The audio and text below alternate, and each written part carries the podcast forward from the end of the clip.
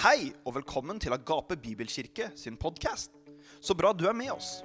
Her kommer du til å høre undervisning fra kirken, og uansett hvor du er, så håper vi dette budskapet vil inspirere, oppmuntre og velsigne deg. Men først, sjekk oss ut på Instagram, Facebook og på agapebibelkirke.no. Her er siste gudstjeneste fra Agape. Vi er i en serie nå, og vi snakker om tro som flytter fjell. Og de siste søndagene nå så har vi fokus, Det var starta for to søndager siden. Vi snakket om at tro begynner der Guds vilje er kjent. Og det når vi vet hva Gud vil, og vi vet hva Hans ord sier, vi vet hva Han har for oss, så skjer det noe med oss i våre hjerter. Det er en tro som begynner å komme ut, ikke en naturlig tro. Som f.eks. at hvis jeg sier at jeg møter eh, Laura i Oslo, som jeg gjorde i går, så, så, sier hun ja, da møtes vi på Oslo S klokka seks. Og da har jeg en naturlig tro om at jeg skal møte henne der klokka seks. Og det krever ikke noe spesielt, eller noen ting, det kommer veldig naturlig. På, på, på annen måte så har vi en bibelstro som ikke kommer ut fra menneskers ord. Det kommer ikke fra hva mennesker gjør og ikke gjør. Men en bibelsk tro det kommer bare ut av Kristi ord. Derfor kommer troen av det en hører, og det en hører, kommer ved Kristi ord som står i Romerbrevet, kapittel 10. Og Der kan vi også lese mye sannheter rundt dette med tro. Og I dag så eh, fortsetter vi på nettopp det her. Og bare for, Før jeg går dit, så skal jeg bare si sist søndag så snakket vi om hvordan troen responderer på Guds vilje. Så når vi hører hva Guds vilje er, så er troen sånn at vi responderer på den. For eksempel, vi vet hva ordet sier, så blir det sånn OK, da gjør jeg det. Vi kan også si at troen handler på ordet. Men hvis du tenker at troen ikke, handler ikke om at vi skal få Gud i himmelen til å flytte på seg Vi kan si det sånn Gud sitter ikke fast. Han har aldri sittet fast. Og det er heller du og jeg som noen ganger sitter litt fast. Er det ikke sånn? Så troen, vet du, den flytter fjell. Men som vi har fra materialet vi bruker med ungdommene nå, det er veldig bra sagt, Troen noen ganger trenger å flytte fjell, men noen ganger så trenger den bare å flytte deg. Og det er veldig, veldig sant. Og det er det som er så fantastisk, at tro er en respons. Hvis jeg ringer Laura da, når hun er i Oslo, så har Laura et valg. Skal jeg ta telefonen? Skal jeg ikke ta telefonen? Altså, Jeg har en, jeg har en responsansvar. Og på samme måte så Guds vilje for oss er kjent ut. Jesus har dødd for oss på korset. Han er den som rettferdiggjør den som har troen på Jesus. altså Faderen er det. Og Gud han har gjort alle disse tingene gjennom Kristus. I Han er alle Guds løfter ja og amen til Guds ære. Altså, Jesus har gjort et ferdig verk for deg og meg. Og det er det fantastiske budskapet av evangeliet. At fortid, nåtid, framtid Korset dekker alle veier. Himmel og jord. Og det er de gode nyhetene. Akkurat som de gamle testamentlige. Du vet, ja, De hadde Moseloven, og sånn, men når Gud kjenner noen eh, Det er veldig interessant at folk som dør i troen på Jesus, på Messias, de dør på det som skal komme. Vi, når vi går til himmelen en dag, så går vi hjem fordi vi tror på det Jesus gjorde. Så det er så viktig at vi ser Golgata, altså korset, hva Jesus gjorde der, det er sentrum i verdenshistorien. Vi har en ny pakt, grunnlag på bedre løfter. Alle disse tingene her, Nå bare siterer jeg noen skriftsteder ut her. Men det har noe med at tro responderer på det Gud har gjort, og det han gjør nå. Og det er fantastisk. Det som er at trenger, Jeg trenger ikke å motivere Gud for å gjøre noe. Det er oftest omvendt, for å si det sånn. Hver gang så er det Gud som må motivere meg. Og Noen kristne blir så ivrige etter å motivere Gud. Gud, du må frelse landet vårt. Det er akkurat som det er Guds skyld at landet vårt ikke er frelst. Det har du kanskje ikke tenkt på noen gang, men når folk sier at Gud må gjøre noe med landet vårt, så sier vi egentlig at Gud har ikke gjort noe med landet vårt. Og Derfor så snakker vi om noe som kommer veldig essensielt med tro. Og tro er ikke komplisert, folkens. Tror du, så gjør du det. Tror du ikke, så gjør du det ikke. Og det er noe fantastisk frigjørende å bare komme dit. Det er helt i orden å ikke ha eh, tro for et område. Da kan Guds ord hjelpe oss til å komme dit. Vi bygger ikke troslivet vårt på oss selv. Vi bygger det på Kristus. Tro uttrykker seg på mange forskjellige måter. Men den er alltid fokusert på Jesus Kristus og hva han har gjort. Er ikke det fantastiske gode nyheter? Henger du med meg her i dag? Yes. Ja, for jeg blir veldig glad når jeg snakker om det her med tro. Fordi at tro er ikke vanskelig. Vi gjør det vanskelig. Men det er ikke det. Det er ikke komplisert. Vi gjør det noen gang komplisert. Men hva er tro i sin reneste form? Tillit. Tro er tillit. Så hva er, det egentlig, hva er det det snakk om? Abraham, vi snakket om han sist søndag. Han ble gjort rettferdig. Hvorfor det? Fordi han trodde at det Gud hadde lovt, det ville han også gjøre.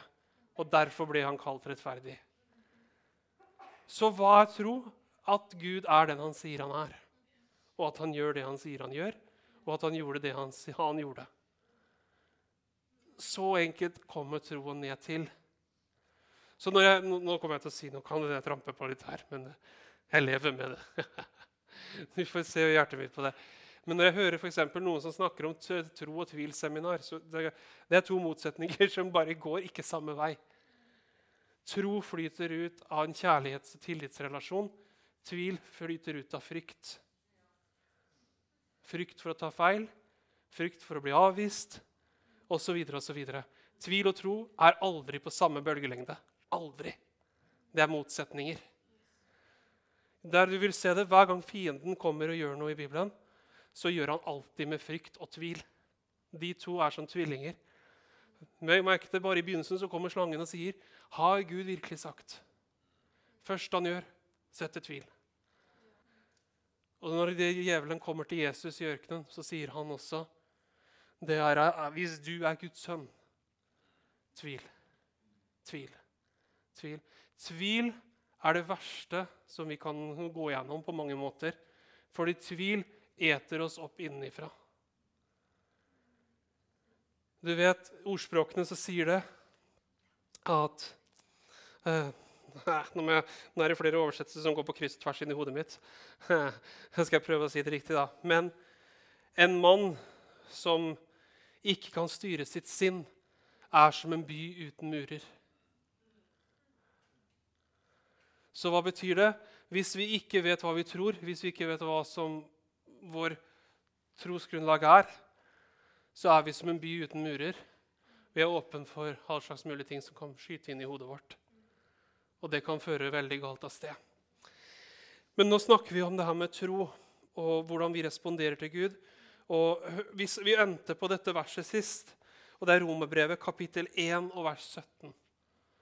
Og som i, i, god tradisjon så skal jeg gjøre som min kone ba meg, gå saktere, så at alle rekker å gå inn i biblene sine.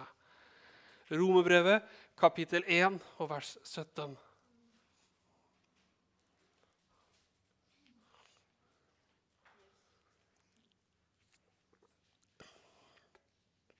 Og Dette er jo et skriftsted som egentlig blir det kommer, Vi leser her i Romerømmen nå, men dette er sitert igjen og igjen i Det gamle testamentet.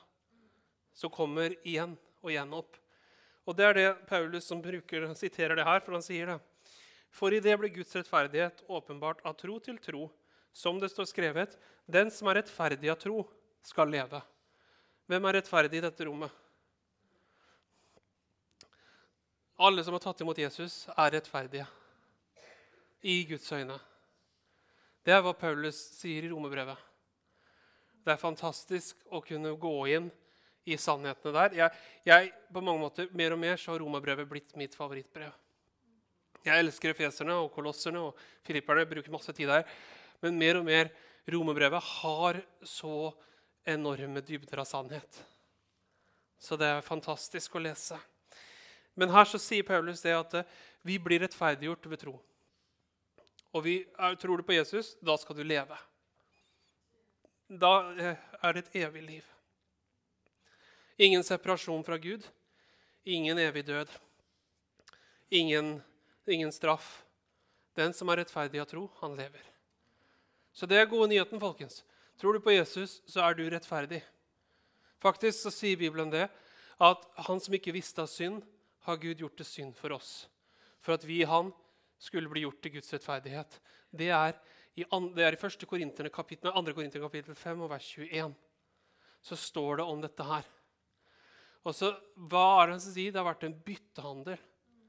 Vi har fått Kristi rettferdighet fordi vi trodde på Han. Så når vi snakker om det her i dag, så er det viktig. skjønner du. Og Det er et vers eh, som vi kan lese i Romerne 3, 26. Du trenger ikke å slå opp, jeg skal bare sitere det. Bare for å understreke det jeg forteller deg her.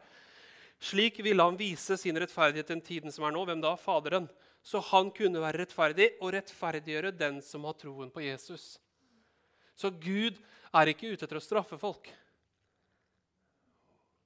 Gjentar. Gud er ikke ute etter å straffe folk. Gud er ikke ute etter å sende dom etter folk. Hva er det som står her? I denne tiden så ville han vise sin rettferdighet, og han vil rettferdiggjøre den som har troen på Jesus. Så hva er det Faderen er ute etter i dag? Han ser etter hvem som tror. For da rettferdiggjør han dem i kraft av det Jesus har gjort. Dette er så viktig at vi får, for det har noe med gudsbildet vårt å gjøre. Hør nå, Hvis vi har et feil gudsbilde, så er det vanskelig for oss å tro Gud. Hvis du tror på en Gud som like gjerne slår deg som velsigner deg, så er det vanskelig å vite når han gjør det ene, og når han gjør det andre. Så dette er veldig viktig å forstå. Gud som en pappa er kjærlighet. Straffen rammet Kristus. Jeg sa det for to uker siden. Hvis Gud straffer oss, så må han be Jesus om tilgivelse. Jeg vet jeg røsker noen religiøse tankebygninger i oss når jeg sier sånne ting. Fordi Jesu blod, enten var det nok, eller så var det ikke nok. Det er ikke noe enten-eller her. Paulus sier det. Enten så er vi rettferdiggjort, og vi har det best fantastiske håpet. Eller så er vi de teiteste, dummeste, tåpeligste av alle folk i verden. Det er ikke noe mellomting her, sier Paulus. Det er ganske radikalt. For Enten så setter vi lit til én som har rettferdiggjort oss, eller så setter vi lit til ingenting. Så igjen så der Paulus sier det så tydelig at ja, vi er blitt rettferdiggjort ved Jesus Kristus og hans offer. Hvis du legger til noen gjerninger der, så vil du aldri kunne få lov å leve i den frelsesvissheten. Hvis du baserer kristenlivet ditt på hva du gjør, så vil kristenlivet ditt bli veldig tungt. Henger du med meg her i dag? Hva er målet med denne talen her i dag? Jo, jeg vil hjelpe deg å se at Gud har kalt oss til å leve en livsstil av tro. I Hebreerbrevet kapittel 10, 38 skal vi lese det sammen. Hebreerbrevet 10, 38. Jeg vil at vi skal slå opp der.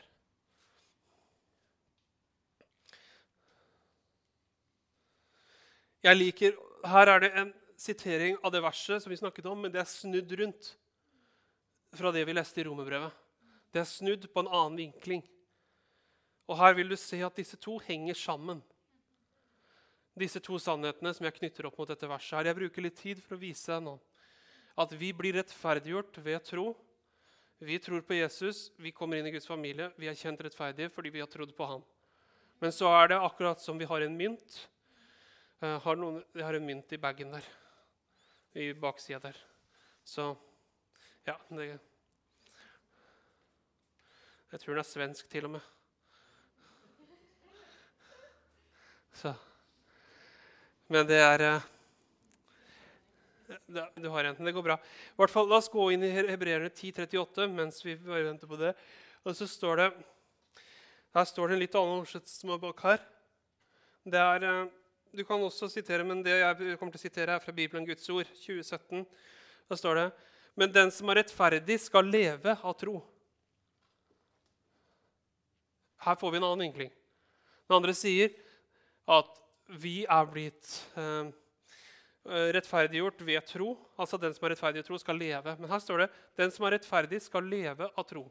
Så det er to sannheter. Har vi den? Ja. Vi går for norsk krone. Men det er akkurat som, tenk deg det, noen ganger så har bibelske sannheter det er én sannhet, men det spørs hvilken vinkel du ser den fra. Ser du den på ene sida, så ser vi yes, vi er blitt rettferdiggjort ved tro. Og den andre sier den som er rettferdiggjort av tro, skal leve ved tro. Ser du, Det er to ting som henger sammen her. når vi kommer inn i frelsen og har blitt rettferdiggjort ved tro, så faktisk så er det Guds vilje for deg og meg at vi skal leve en livsstil av tro Han hver eneste dag mens vi går her. Faktisk, Paulus går så langt i romerbrevet og sier det. Alt som er gjort som ikke er av tro, er synd. Wow! Er det noen som fortsatt tror at de kan rettferdiggjøre seg sjøl etter rommet nå? For per definisjon alt vi gjør Også Paulus han sier at alt som, vi, eh, alt som ikke er gjort i tro, er synd. Men så kommer det også det. Og alt som vi burde ha gjort i tro, men ikke gjør, er også synd. Bare for å dra barometeret opp først, så drar han det skyhøyt opp etterpå. Så det vil si at per definisjon Hvis jeg skal virkelig dra det her langt ut og si per definisjon så faller vi hele tiden. Og hadde det ikke vært for blodet, så hadde vi vært ferdig hele gjengen. Og det er det Gud viser oss. At uten meg så går det ikke i hele tatt. Som en troende. Du kan aldri leve hellig, godt nok og bra nok til at du noensinne kommer til å fortjene det jeg har gjort for deg. Så get over it. Bli ferdig med deg sjøl. Kom inn i det som jeg har for deg, sier Gud. Det er invitasjonen Gud sier i dag. Den rettferdige tro skal leve, ja, men den som er rettferdig, skal også leve, altså tro. I en annen oversettelse der så står det også han skal leve ved tro. I Efeserne 2 så forteller det oss at vi blir rettferdiggjort ved tro på Hans nåde. Så igjen så kommer det tro er en livsstil. Tro er ja, det er en respons til Gud. Så da tenker vi, hva er da en livsstil av tro? Det er en livsstil at jeg responderer til Gud. Hele tiden. Dette er Guds hjerte. skjønner du. Når du leser Bibelen, så vil du veldig kjapt finne ut hva som er Guds plan fra begynnelsen av. Det er at han og mennesker skal ha fellesskap. Det er begynnelsen. Og du ser hvordan det slutter. Hvis du leser i åpenbaringen, så står det at Guds by har kommet ned. Gud er selv lyset i denne byen. Og han skal være i dem, altså. og de skal være hans folk, og han skal være deres Gud. Altså, Det er Guds plan fra begynnelsen av til slutt. At Gud skal være med oss, han skal være i oss, han skal være alt i våre liv. Og vår meningen og hensikten med våre liv er faktisk å være med Han. Så Derfor så er livsstil av tro selvfølgelig noe som vi kan tenke Bøh. Men hvor mange ganger glemmer vi det ikke? At vi er Guds vilje for oss, at vi responderer til Han. Efeserbrevet 2,10. Du trenger ikke å slå opp. Jeg siterer veldig mange skriftsteder. Efeserne 2,10. Vi er Hans verk, skapt i Kristus Jesus, til gode gjerninger, som Gud på forhånd har gjort ferdig for at vi skulle vandre i dem. Så det er en plan. Det er noe som Gud har lagt ut for ditt liv, som han vil at du skal respondere til. Og det er så fantastisk. Og når jeg sier det, så begynner vi noen ganger å tenke wow, det må være så stort og grand. Nei, men vet du hva? det er veldig praktisk. Dette er noe jeg skal Noe som eh, ja, jeg, jeg sier altså Brother Hagen han sa det her, og det er noe jeg alltid har tatt med meg, og det er så viktig. Han sa det. Og det spektakulære og det supernaturlige er to forskjellige ting. Og vi tror ofte at det er det samme. Folk leter etter Gud i det spektakulære, men han er ikke i det. Han er i det supernaturlige. Derfor så sliter mange med kall. Derfor så sliter mange med å føle seg brukt av Gud. Derfor så sliter mange med å oppleve mirakler. Derfor sliter mange med at kristenlivet gir mening, fordi de hele tiden forventer at det skal være spektakulære ting som vi kunne lese om i Det gamle testamentet. Eller noen ganger apostelens gjerninger. Men faktisk, Veldig mye av det som skjer, er ikke skrevet ned. Og ja, det skjer mirakler, ja, det skjer fantastiske ting. Men jeg har funnet ut at veien til mirakel er ofte veldig praktisk og ganske rolig. Boom! Så skjer det etterpå, og så er det spektakulært. Og alle bare Wow! Wow! Og det er meningen. At vi blir Wow, fantastisk Gud her. Men hvis, tenk deg det hvis du og jeg skal leve sånn hele tiden. Wow, wow, wow, wow, wow! I spektakulære ting hele tiden. Det er ikke sånn Gud har tenkt for oss. Paulus sier det. Be om at dere får leve deres liv i fred og ro. Hvor henger det sammen med et spektakulært liv? Altså, Gud bruker meg. Det må være spektakulært, det må være voldsomt, det må være grønt. Hundretusener på tusener må komme. Men det er det folk forteller meg. Det er et kall. Det har ikke noe med kall å gjøre. Det har noe med egoet ditt å gjøre. Det har noe med at du vil føre deg verdifull. Det har noe med at du vil føre deg Å, se på meg! Jeg brukte Gud. Det har ikke noe med å gå med Gud å gjøre. Det har bare med kjøttet ditt å gjøre.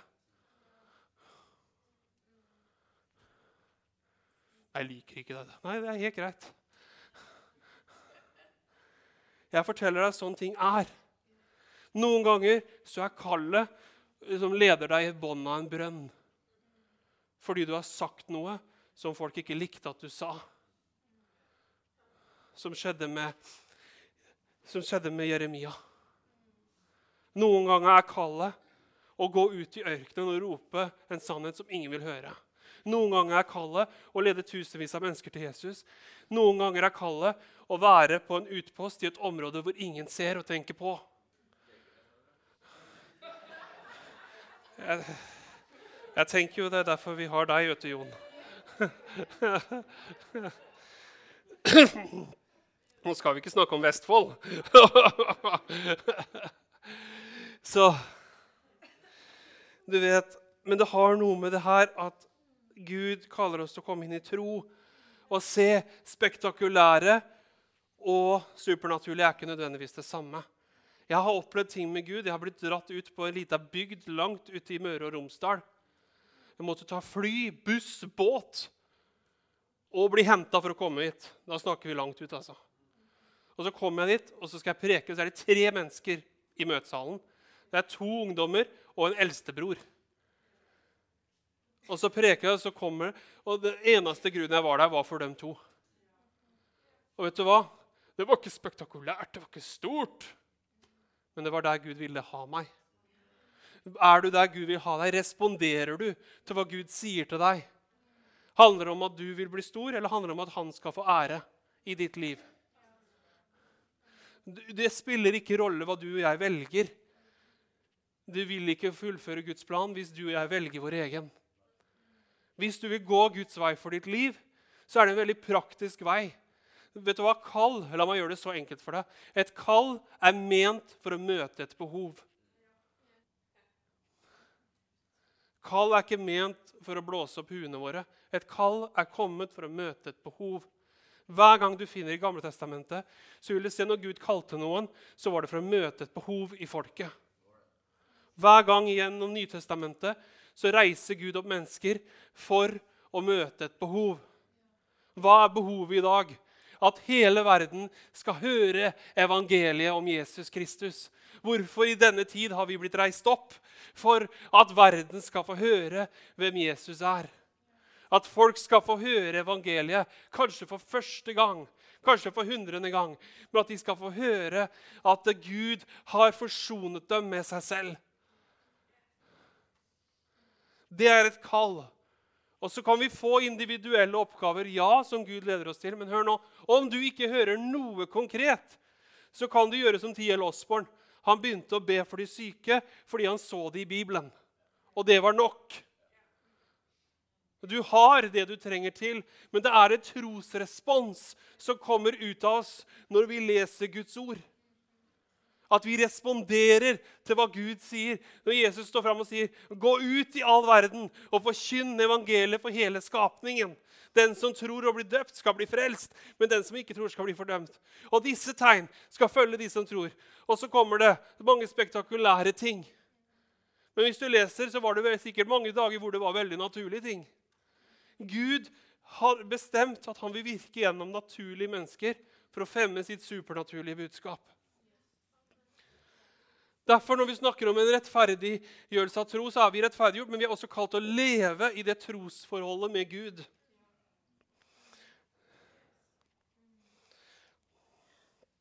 Oi, oi, oi. La oss lese to skriftsteder til som jeg bare har lyst til at vi skal bare understreke dette med Du må ha to skrivsteder, for da har du to streker under svaret. Ok? Hebreerne 11 kan vi begynne i, og vers 1. Hebreerne 11 igjen. Faktisk så vil jeg oppmuntre Les Hebreerne 11 på egen hånd etter gudstjenesten. Og når vi snakker om dette med livsstil av tro, Se på livene til alle de som er nevnt i Hebreerne 11. Veldig forskjellig hva de gikk gjennom, veldig forskjellige tider de levde i. Veldig forskjellig hva de møtte, men Gud var den samme i deres liv. Selv om han gjorde ting forskjellig. Så i Hebreerne 11,1 så leser vi tro er full tillit til det en håper på, overbevisning om det en ikke ser. Så Her kommer vi tilbake med en livsstil av tro. Det er full tillit til at Gud er den han sier han er. Det er full tillit til at han gjør det han sier han gjør. Henger du med meg her i dag? Og så kan vi gå til vers 6. Og da kommer vi til noe som også har med det er tenkt dette med livsstil. Så uten tro er det umulig å være til behag for Han. For den som kommer til Gud, må tro at han er til, og at han er den som belønner dem som søker han med iver. Altså, igjen, Tenk på det vi snakket om tidligere her. Alt som er av tro, det er noe som gleder Gud. Alt som ikke er av tro, det er synd, sier Bibelen. Betyr det at Gud fordømmer oss? Nei, han gjør ikke det pga. Jesus. Men hvordan gleder vi Gud? At vi responderer i tro på det han sier til oss. Ja, men 'Jeg får det ikke til. Jeg er ikke god nok.' Han gjorde deg kvalifisert nok. Du trenger ikke å få det til. Det handler ikke om å få fylt trosbarometeret nok til at du er god nok. Det handler ikke om det. Det handler om en respons. Når Gud sier 'gå', så går du. Når Gud sier 'la oss gjøre dette sammen' Kanskje du er ute på, på butikken og handler, og så plutselig så kjenner du et på innsida. Snakk med han. Så kan du velge skal jeg respondere på Gud, eller skal jeg ikke gjøre det. Og da, Hvis du responderer, så kan Gud virke gjennom deg til den personen. Derfor er tro så viktig. Om tro som en respons. Tro responderer på hva Gud vil og har gjort. Ok. Jeg har lyst til å bare nevne disse tingene her. Ehm, her kommer jeg, skal vi se. Yes. Og dette har med hjertet vårt å gjøre. Tenk på det. Tillit har en hjerteting å gjøre. Hvis jeg et, bare snur det litt på mynten her, da. Igjen. Hvor mange av dere har blitt såra før? Noen som har brutt tilliten deres. og dere, synes, dere har tilgitt dem, men dere vil ikke stole på dem. Er det ikke sånn? Og tilgivelse og tillit er to forskjellige ting. Det kan vi også være enige om. Men nå kommer det noe som er litt interessant her. Hvis hjertet vårt, altså tillit, er en hjerteinnstilling, så er tro også en hjerteinnstilling.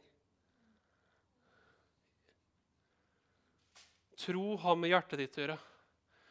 Det er bra, det, Jon. De sier at hvis Bibelen faller fra hverandre, så gjør ikke personen som leser den det. Så Da faller ikke den fra hverandre heller, da.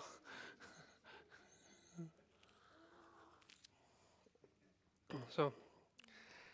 Men ikke sant? jeg har lyst til å lese noe for dere hvis du tenker på tro som en hjerteting At det er vårt hjerte som responderer til Guds ord. Det er vårt hjerte som responderer til Han. Ikke sant? Så la oss gå til Romerbrevet, kapittel 10, og vers 8-13. Romerbrevet 10, 8-13. Og disse versene, Når du skal lede noen til Jesus, så går du alltid hit. Iallfall ni av ti kristne gjør det. Jeg er helt sikker på eh, meg inkludert, har gjort det mye. Men Romerbrevet 10 og vers 8-13 Jeg til Vi skal bare utvide litt, så vi kan lese litt hva som står rundt her. Ok, er du der? Men hva sier den? Ordet er deg nær i din munn og i ditt hjerte. Det er troens ord som vi forkynner. For dersom du bekjenner Herren Jesus med din munn og tror i i ditt hjerte at Gud har oppreist ham fra de døde, så skal du bli frelst. For med tror en til rettferdighet, og med munnen bekjenner en til frelse. Skriften sier jo hver den som tror på Han, skal ikke bli gjort til skamme. Det er ingen forskjell på jøde og greker, for Han er den samme Herre over alle, og Han er rik nok for alle som kaller på Han. For hver den som påkaller Herrens navn, skal bli frelst. Wow! Wow! Så var det forteller her hjerte, hjerte, hjerte. Og hjerte og tro er nevnt sammen hver gang. Ser du det? Hver gang så er de sammen. Så hvor kommer troen vår ut av? Ut av hodet vårt. Derfor finner ikke folk, folk finner ikke Gud i hodet. De finner han i hjertet. Fordi hjertet er en, ut av hjertet så kommer troen. Det betyr ikke at det er noe gærent å bruke hodet. Nei, nei, nei. Gud har gitt oss et hode for at vi skal bruke det. Men det er ikke der troen kommer fra. Troen kommer fra hjertet. Og det er det vi trenger å også vite og forstå. Og derfor, så når vi responderer her Du vet, for deg som har vært forelska, og du som er gift, jeg håper du fortsatt er forelska. Men har det ikke noe med en hjerterespons å gjøre? Den dagen du gifta deg, tenk tilbake nå. Så står du der i kirken, så ser du så ser du eh, ektefellen din, og så bare tenker du wow. Når jeg sto der med Laura, så tenkte jeg wow. I San Diego. Kjempevarmt. Forloveren min hadde ulldress og svetta i hjel. Alt det var så mye morsomt, men i det øyeblikket Laura kom, så var bare alt annet borte. Ikke sant? Forelskelse, hjerte, det, bare, det gir en respons. Derfor har tro med hjertet å gjøre. For det er ut av hjertets respons. Det Gud er ute etter, er hjertet ditt. Kjærlighet og tro går sammen. Troen flyter faktisk ut av kjærlighet. Det skal vi snakke om seinere i denne serien. Men kjærlighet gir troen kraft. Så Derfor så er et ekteskap fylt med tillit pga. at det er kjærlighet der. Og det, vet du, så sier du 'Tar du den?' Så står det da ikke sant, og så 'Ja!' Du hører noen vielseshører bare 'Å ja!' Dette, det var, ikke sant? Det er, og det er hjertet som roper ut. På samme måte så er Gud her at hjertet vårt er med Han. Troen er respons til Han. Får du tak i det jeg sier til deg her i dag med livsstil av tro? Du vet, og Så står det han er rik nok for alle som kaller på han. Så han er rik nok for deg. Hva enn du har, så kan du respondere til han, og han er nok for deg. Han er nok for deg. Så jeg, La oss ta noen minutter til. Henger du med? Orker du litt til? Så bra. Jeg har bare tenkt, Det er noe som også når jeg drev og forberedte her, så opplevde jeg at Den hellige ånd bare løfta disse tingene fram for meg. Og jeg tror det er veldig viktig at vi snakker om dem. Men ulike, vi har alle ulike områder i livene våre. Jeg har lyst til å snakke litt om for at hvordan vi responderer til Gud, er så viktig i disse tingene. Og hvis vi ikke er bevisst på det, så kan vi gå glipp av noe som Gud har tenkt for oss. Det er ikke gjerninger, men mange ganger så mister vi ting fordi at vi ikke responderer til Gud. Med at vi bare slipper taket, og så går vi på en egen autopilot, og så glemmer vi det. Eller at vi kanskje rett og slett ikke tør å lene oss på Gud, eller at vi kanskje ikke bare bevisst tar et valg og gir det til Gud. Altså, Det kan være mange forskjellige årsaker. Og når jeg løfter opp disse tingene her nå, så vil jeg at du ikke gjør dette komplisert for deg sjøl. Jeg bare løfter noen områder i livene våre som er veldig sånn generelle. Det første jeg har lyst til å løfte fram, som jeg var sammen med Helligånd, og det kom veldig sterkt, og det er det med familien vår. For deg som er gift, og deg som har barn, så har vi et fantastisk eh, privilegium. Vi får lov til å eh, lede familien vår til Kristus. Men det kommer ikke automatisk. Jeg snakker til deg som er forelder og besteforelder. At, at barna dine og barnebarna dine følger Jesus, er ingen selvfølge. Og her må et samspill, et samarbeid mellom foreldre og besteforeldre eh, med Gud fungere. Jeg, jeg, når jeg forberedte meg, så kom Gud veldig sterkt til meg. Jeg skulle dele min historie rundt det her. Og hvorfor, hvorfor det hvorfor, Jeg tenkte på også hvorfor jeg um, ble med Jesus hele livet. Jeg hadde en periode hvor jeg hadde litt sånn, men jeg turte aldri å gå så langt. Fordi jeg på en måte visste hva som var sant. Og derfor så bare, Dette sier jeg ikke for å bare løfte fram mine foreldre. og alt det. De, de gjorde mange bra ting, og så gjorde de noen ting som jeg ikke har tenkt å gjenta.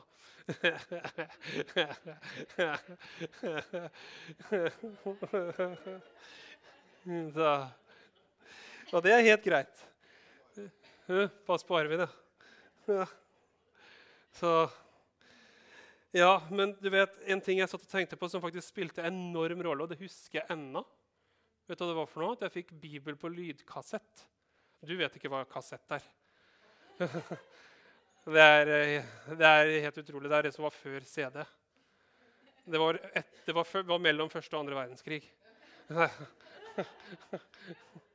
Så altså, kassett hadde jeg sånne lydkassetter. Og så hørte jeg på dem. Og så hørte jeg det var sånn dramatisering av Bibelen. Og jeg elska Det gamle testamentet, for der var jo krigene. Det var mye mer spennende. Men til den dag i dag så kan jeg huske ordrett hva som ble sagt. Jeg husker fra da babylonerne kom og skulle ta Israel. Så hørte jeg, så hørte jeg vaktene på Israel sa 'Første vakt! Alt er rolig!' Og så gikk det sånn, så kom tredje vakt. 'Babylonerne kommer!' Jeg var seks år. Fem-seks år når jeg hørte på disse. Over 25 år senere så husker jeg det som det var i går. Tenk på det. Hvilke spor det setter i at jeg fikk lov å få Guds ord som barn. Og jeg slet ut de der bånda. Og det var noe med det at barna må få høre ordet. Ikke hold barna dine borte fra troen hvis du vil at de skal følge troen. Tro er ikke bare et personlig valg som myndighetene prøver å fortelle oss. Troen er en livsstil. Som barn så hadde jeg de. Vi dro alltid til menigheten. Det var ikke et spørsmål om vi skulle være med. Spurte ikke. Vi sa vi skal til menigheten. Ok. Jeg fighta aldri det, for jeg visste ikke at jeg kunne fighte det. Men her er en nøkkel, altså, foreldre. I det øyeblikket du lar dem få lov å gi dem det, så vet ikke barn vet ikke hva som er deres beste. Vi må oppdra barna i kjærlighet og trygghet. Men i vår familie så var det helt naturlig. Vi dro alltid på møte. Etterpå så dro Maria og pappa på hestestevne og mamma og jeg på fotballkamp. Og mamma ville ikke være med hestene. Og likte dem på avstand, som hun sa. Men ikke sant? Vi hadde, vi hadde fullt normale liv og alt det der. Men vi dro alltid til menigheten. Og det satte dype spor på meg. Og da jeg vokste opp, så hata jeg ikke menigheten. Jeg elska menigheten. Alltid elska menigheten. Derfor er det så viktig hva vi overleverer. Når jeg var hjemme, så ba de i tunger. De skrek i tunger.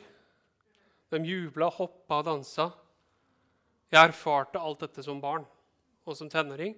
Når jeg var 14 år, så syntes jeg det var kjempeflaut. Men den dagen jeg tok, sa ja til Jesus, så ble jeg åndsdøpt samme dagen. Hvorfor det? Fordi jeg hadde sett det, og jeg hadde hørt det, og jeg visste hva det var. Boom. Det var ikke vanskelig for meg å ta imot åndsdåpen. Det var levd. Det er, det er, noe med det som bare satt igjen så veldig, som også jeg vil passere videre til, min, til mine barn når den dagen kommer. Og det er noe med det at troen er ikke bare et valg jeg gir dem, men det er en livsstil som jeg inkluderer dem og går sammen med. Som ektefeller så er det nødt til å gjøre livet sammen. Vi gjør troen vår sammen. Vi ber sammen, vi leser Guds ord sammen. Vi tar bønneretreats sammen. Disse tingene her er kjempeviktig å gjøre for å bygge våre liv og ekteskap og familier på linje med det som ordet snakker om. Henger du med meg her i dag? Og det er ikke noe fordømmelse hvis du ikke har gjort disse tingene. Det er vanskelig å gjøre det av ulike årsaker. Hør nå, Det er ikke noe fordømmelse for det i hele tatt, men det er en kjempefin ting å nå begynne å be for. Og kanskje ta gradvis steg imot. Amen. Men det er så viktig med nettopp disse tingene med barna. Jeg ser, når, Som ungdomspastor så husker jeg alltid foreldrene kom til meg når var barna 16-17-18 år. Og så har de ikke blitt utsatt for evangeliet. Og så sier de ja, du må nå dem. Jeg hadde ikke trengt å nå dem hvis du som forelder hadde gjort jobben min. Unnskyld at jeg sier det. Men jeg så så mange som gikk bort fra troen fordi de aldri har blitt inkludert i kristenlivet. Menigheten var noe som tok foreldra bort fra barna istedenfor noe man gjorde sammen som familie. Jeg må si det, fordi det er, vi, må, vi må tenke annerledes. Vi må begynne å tenke som en familie. Så gjør vi ting sammen. Ikke sånn at uh, når barna blir voksne, så finner de ut, ja, da, da finner de ut, at da velger de gjerne noe annet fordi de aldri har møtt Jesus. Og Det betyr barna skal alltid få velge hva de tror. Vi skal aldri fortelle dem det. Men som barn, men som barn så inkluderer vi dem hele tiden. Vi forteller dem om Jesus. Alt det de må sjøl velge. Jeg ble aldri pressa til å tro. Men å tro for meg var det mest naturlige i hele verden. Hele mitt verdensbilde kom ut fra Bibelen pga. hvordan jeg vokste opp. Så Derfor så har ikke jeg de tullete eh, synet som eh, noen ganger altså, som visse folk ute der prøver å dytte på andre i dag. Derfor er det så viktig folkens, hvilken arv legger dere ned. Når dere får barn, så er det da jobben begynner. Og dere vil ha det så lenge dere er i live. Så. Og så kan dere glede dere ekstra over når dere blir besteforeldre. For da er det barna deres som prøver det dere har prøvd og så får dere høste mer gleden. Jeg kjente det var kjempeviktig at vi snakka litt om det her.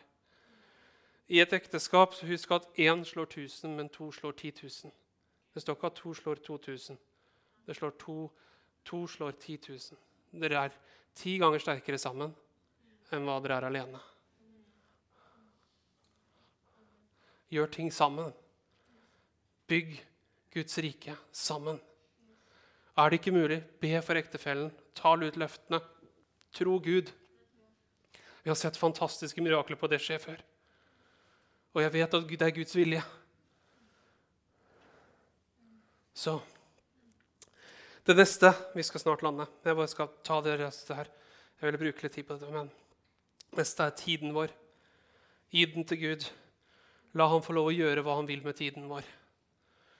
Smith Wigglesworth han sa det at uh, Eh, før jeg sa det, så, så jeg si det sånn at mange ganger så kan vi ha en tilnærming til å søke Gud at eh, jeg går inn på bøn, bønnerommet mitt, så lukker jeg døra, så er jeg med Gud en time, kjempeflott, og så er jeg 23 timer med verden.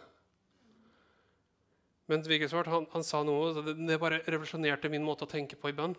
Og Det har jeg tenkt på mye, det er meg i mitt bønneliv. er akkurat sånn som det her. Det er sånn jeg elsker å ha det. Jeg ber aldri mer enn fem minutter, men det går aldri mer enn fem minutter før jeg ber. Jeg tar med meg Gud hvor enn jeg går. Jeg husker jeg satt på skolen og ba inni meg. Og Noen ganger så satt jeg sånn og bare hviska litt for meg sjøl og ba. Altså, jeg, Det var det mest naturlige. Jeg vil involvere Gud der jeg er. Ikke bare sette han inn på et rom. Gud bor ikke i rommet, han bor i meg. Så inkluder han hele tiden. Kanskje det også betyr at han ber deg om å gi tiden din til å gjøre noe. Responderte det. Kanskje han har sagt til deg bli med i Agape Kids. Ta om barnegruppa. Bli med i vertskapet. Bli med i husgruppene. Ta et ansvar der. Bli med og hjelpe til på bønnemøtene. Altså, det kan være mange ting. Bli med på misjonsfeltet. Bli med til Japan. Bli med til Bulgaria. Altså, Gud har noe, og så må du være villig til å respondere til det. Det er et valg vi tar. Det har en hjerteinnstilling å gjøre. Tjeneste og tro kommer ut av samme hjerte. Det neste som også bare er viktig, et annet område, og det her er et område som også jeg skal bare ta noen minutter på, for dette området her er det mest betente å snakke om. Da vet du allerede hva det er. Det begynner på Ø og slutter på økonomi. Og det har ikke noe med kone å gjøre. Noen menn kan argumentere mot og si at det kanskje har noe med husdyr å gjøre. Økonomi. Men økonomi og penger og sånne ting er så sårt for noen å snakke om. Men hør nå. Hvorfor er det det? Har du noen gang tenkt på det? Hvorfor er det så Noen syns det er betent å snakke om penger. Noen syns det er betent å gi. Noen syns det er betent å, å selge og, og sånne ting. Altså, penger er en av toppårsakene til at ekteskap ryker. Til at det blir uvennskap i relasjoner. Hvorfor er det sånn? Fordi penger er noe vi setter så veldig høyt i våre hjerter mange ganger. Hvorfor det? For penger styrer vår evne til å leve hverdagen vår. Hvor mye du har med i måneden, avgjør hvor mye du kan kjøpe, hvor du kan dra, hva du kan gjøre, og hva du kan investere. Altså, Det styrer veldig mye av vår hverdag. Og særlig hvis du ikke har så veldig god lønn, eller at du mangler noe, så blir det enda tøffere. Og Derfor er du veldig opptatt av å ha eh, økonomien, økonomien under kontroll. Og det er bra. Gud kaller oss å være gode forvaltere. Gud kaller oss til å gjøre det på rett måte og ha god, godt forvalterskap. Det er kjempeviktig. Vi ser nå dessverre hva som skjer når, når, ting faller ut av kontroll. Du trenger bare å se på nyhetene for å få med deg det. Det er utrolig trist og tragisk hva som har skjedd. Men du ser hvor viktig dette er å ha økonomien under kontroll. Og derfor, så, Hva er det Bibelen sier det Jesus sier? For skatten deres er, der vil også hjertet deres være. Og I 1. Timoteus så står det det at for kjærligheten til penger er rot til all slags ondskap. Pga. griskhet kommer folk bort fra troen og gjennomborer seg sjøl med mange plager. Altså, Griskhet og egoisme driver oss bort fra troen. Hvorfor? For kjærlighet og tro er det samme. Derfor så er Penger er ikke synd. Penger er en velsignelse. Vi kan bruke det på rett måte. Men kjærligheten til det er roten til all ondskap, sier Bibelen. Vet du hvorfor det? For det putter ego på tronen. Derfor så vet Jeg altså, jeg husker første gang Gud kalte meg til å gi. Jeg tenkte det er jo så lett. Det er lett å gi når jeg har et par kroner. Vi den ene. Da har jeg den, ikke sant? Ja, jeg gir. Og så husker jeg jeg fikk stor utbetaling på lønn. Så sa Gud gi Jeg fikk eh, en del, så skal jeg gi til Reinert Bunke. Gud sa til meg at du skal gi til han. Jeg bare Jeg har fått lønn. Skal jeg leve av? Men så sa Gud, gi det til Reinar Bunke. Og så bare tenkte jeg Sånn. Og det var sånn kjøttet følte seg. Men på innsiden her så kjente jeg OK, ok, det var spennende. Og sånn kan det føles noen ganger i kjøttet ditt. bare Nei! Mens hjertet ditt kjenner OK, Gud, hva skjer nå? Og jeg, jeg skjønner ikke hvordan det gikk til, men jeg hadde alltid nok. Vet du hva? Å gi handler ikke om at uh, vi vil ha pengene dine. Det er ikke det det handler om. Det handler om at, Guds, at Gud vil ha hjertet ditt. Bibelen sier Jesus sier du kan ikke tjene Gud og mammon. Nei, ikke to herrer. Så det har noe med hjertets respons Du vet, Jesus sa til en mann hvis du tenker at det er 10 vet du hva Jesus sa til en mann å selge alt det han eide. Hvorfor sa han det? Var det fordi Jesus er mot Jesus er ikke kapitalist, han er sosialist. Skal jeg fortelle deg, Jesus er verken kapitalist eller sosialist. Det er ikke noe som fins, det. Det fins bare Guds rike. Jesus er ikke en sosialist. Og han er heller ikke kapitalist. Så derfor Når vi gir, så gjør det oss avhengig av Gud. Det ydmyker oss. Vi erkjenner at Gud forsørger oss. Det er mange sånne ting som gjør oss på rett sted. Og jeg tror at Gud jeg sier ikke at dette er for pusha på noen ting, men jeg opplever det at noen av oss her i dag også Jeg tror Gud utfordrer deg på dette området. Å være med å så. Være med å gi. Spør deg sjøl Ikke spør deg sjøl, spør Gud. Spør Gud hva han sier om det her. Og om han har bedt deg gjøre noe, så responder på det. Kanskje du skal gi tiende? Ja vel, responder på det. Kanskje du skal gi til misjon? Ok, responder på det. Kanskje du skal fylle bensintanken for noen. OK, responder på det. Altså, Har Gud bedt deg om noe, så responder på det. For at du skjønner, Gud endrer ikke mening, har jeg funnet ut. Han bare sier det samme til vi gjør det. Så hvis dere lander nå Men et annet område helsa vår. Gud er vår lege. Og jeg, har sett det med mitt liv, med min helse. At folk spør meg, Jeg møter leger noen ganger, så sier de 'Åssen får du til det her?' Altså, det er, jeg stoler på Gud. For det er ikke noe grunn annet at det fungerer. Og det er, det er det som har vært så fantastisk. Å se at du kan stole på Gud for helsa di, men du må legge det over i hans hender. Hvis du har kontrollen over alt sammen sjøl, og du går hele tiden og er redd for hva som kan skje med deg, så er du ikke i tro. Tro er ikke vanskelig. Tro er tillit. Jeg sier, Ta medisinene, ta behandlinga som legene gjør. Veldig bra. Men hjertet ditt er ikke styrt av frykt for hva som kan skje. La troen, altså tilliten din, være i Gud. At uansett hva som skjer, så vet jeg at han er legenes lege. Ego eumeni. Altså, jeg er den jeg er. Altså, jeg er Jehova Rafa, sier jeg. Herren din lege. Jeg tok alle dine plager på meg. Jeg tok alle dine sykdommer. Jeg tok det på meg for at du skulle ha fred. Og ved mine sår er du blitt helbredet. Det er det han sier til oss i dag. Vi kan lese om det i, i eh, Gamle testamentet, vi kan lese om det Nye testamentet. Det står igjen og igjen. Og til slutt gi vår personlige Jeg skal lese et vers helt til slutt.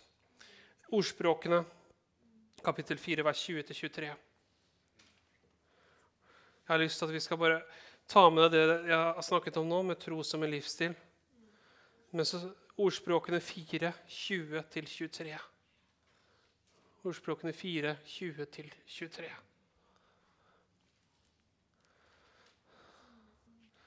Min sønn, eller du kan putte inn datter hvis du er kvinne.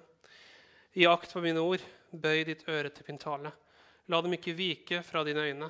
Ta vare på dem i dypet av ditt hjerte. For det er liv for dem som finner dem, og helse for hele hans eller hennes legeme. Bevar ditt hjerte framfor alt som bevarer, for livet utgår fra det. Så hva har det med tro å gjøre? Jo, hør nå. I akt på mine ord, bøy ditt øre til min tale. Hva er det for noe? Høre Guds vilje, respondere til Guds vilje. Høre Guds vilje, respondere til Guds vilje. La dem ikke vike fra dine øyne. altså Fortsett å ha dem foran deg. Ta vare på dem i dypet av ditt hjerte. For det er liv for dem som finner dem. Altså, for hvem da? For deg og meg. Det er liv. Guds ord er liv for deg og meg. I Salme 107, vers 20 så står det han sendte sitt ord og helbredet dem og fridde dem fra graven. Dette er til deg. Han sendte sitt ord til deg. Guds vilje er hans ord. Tro begynner der Guds vilje er kjent. Og livet ditt vil gå ut fra hjertet. Tusen takk for at du var med oss i dag. Vi vil gjerne høre fra deg og vite hvordan vi kan be for deg. Ta kontakt med oss enten via sosiale medier eller på nettsidene våre, så håper vi at vi ses ganske snart.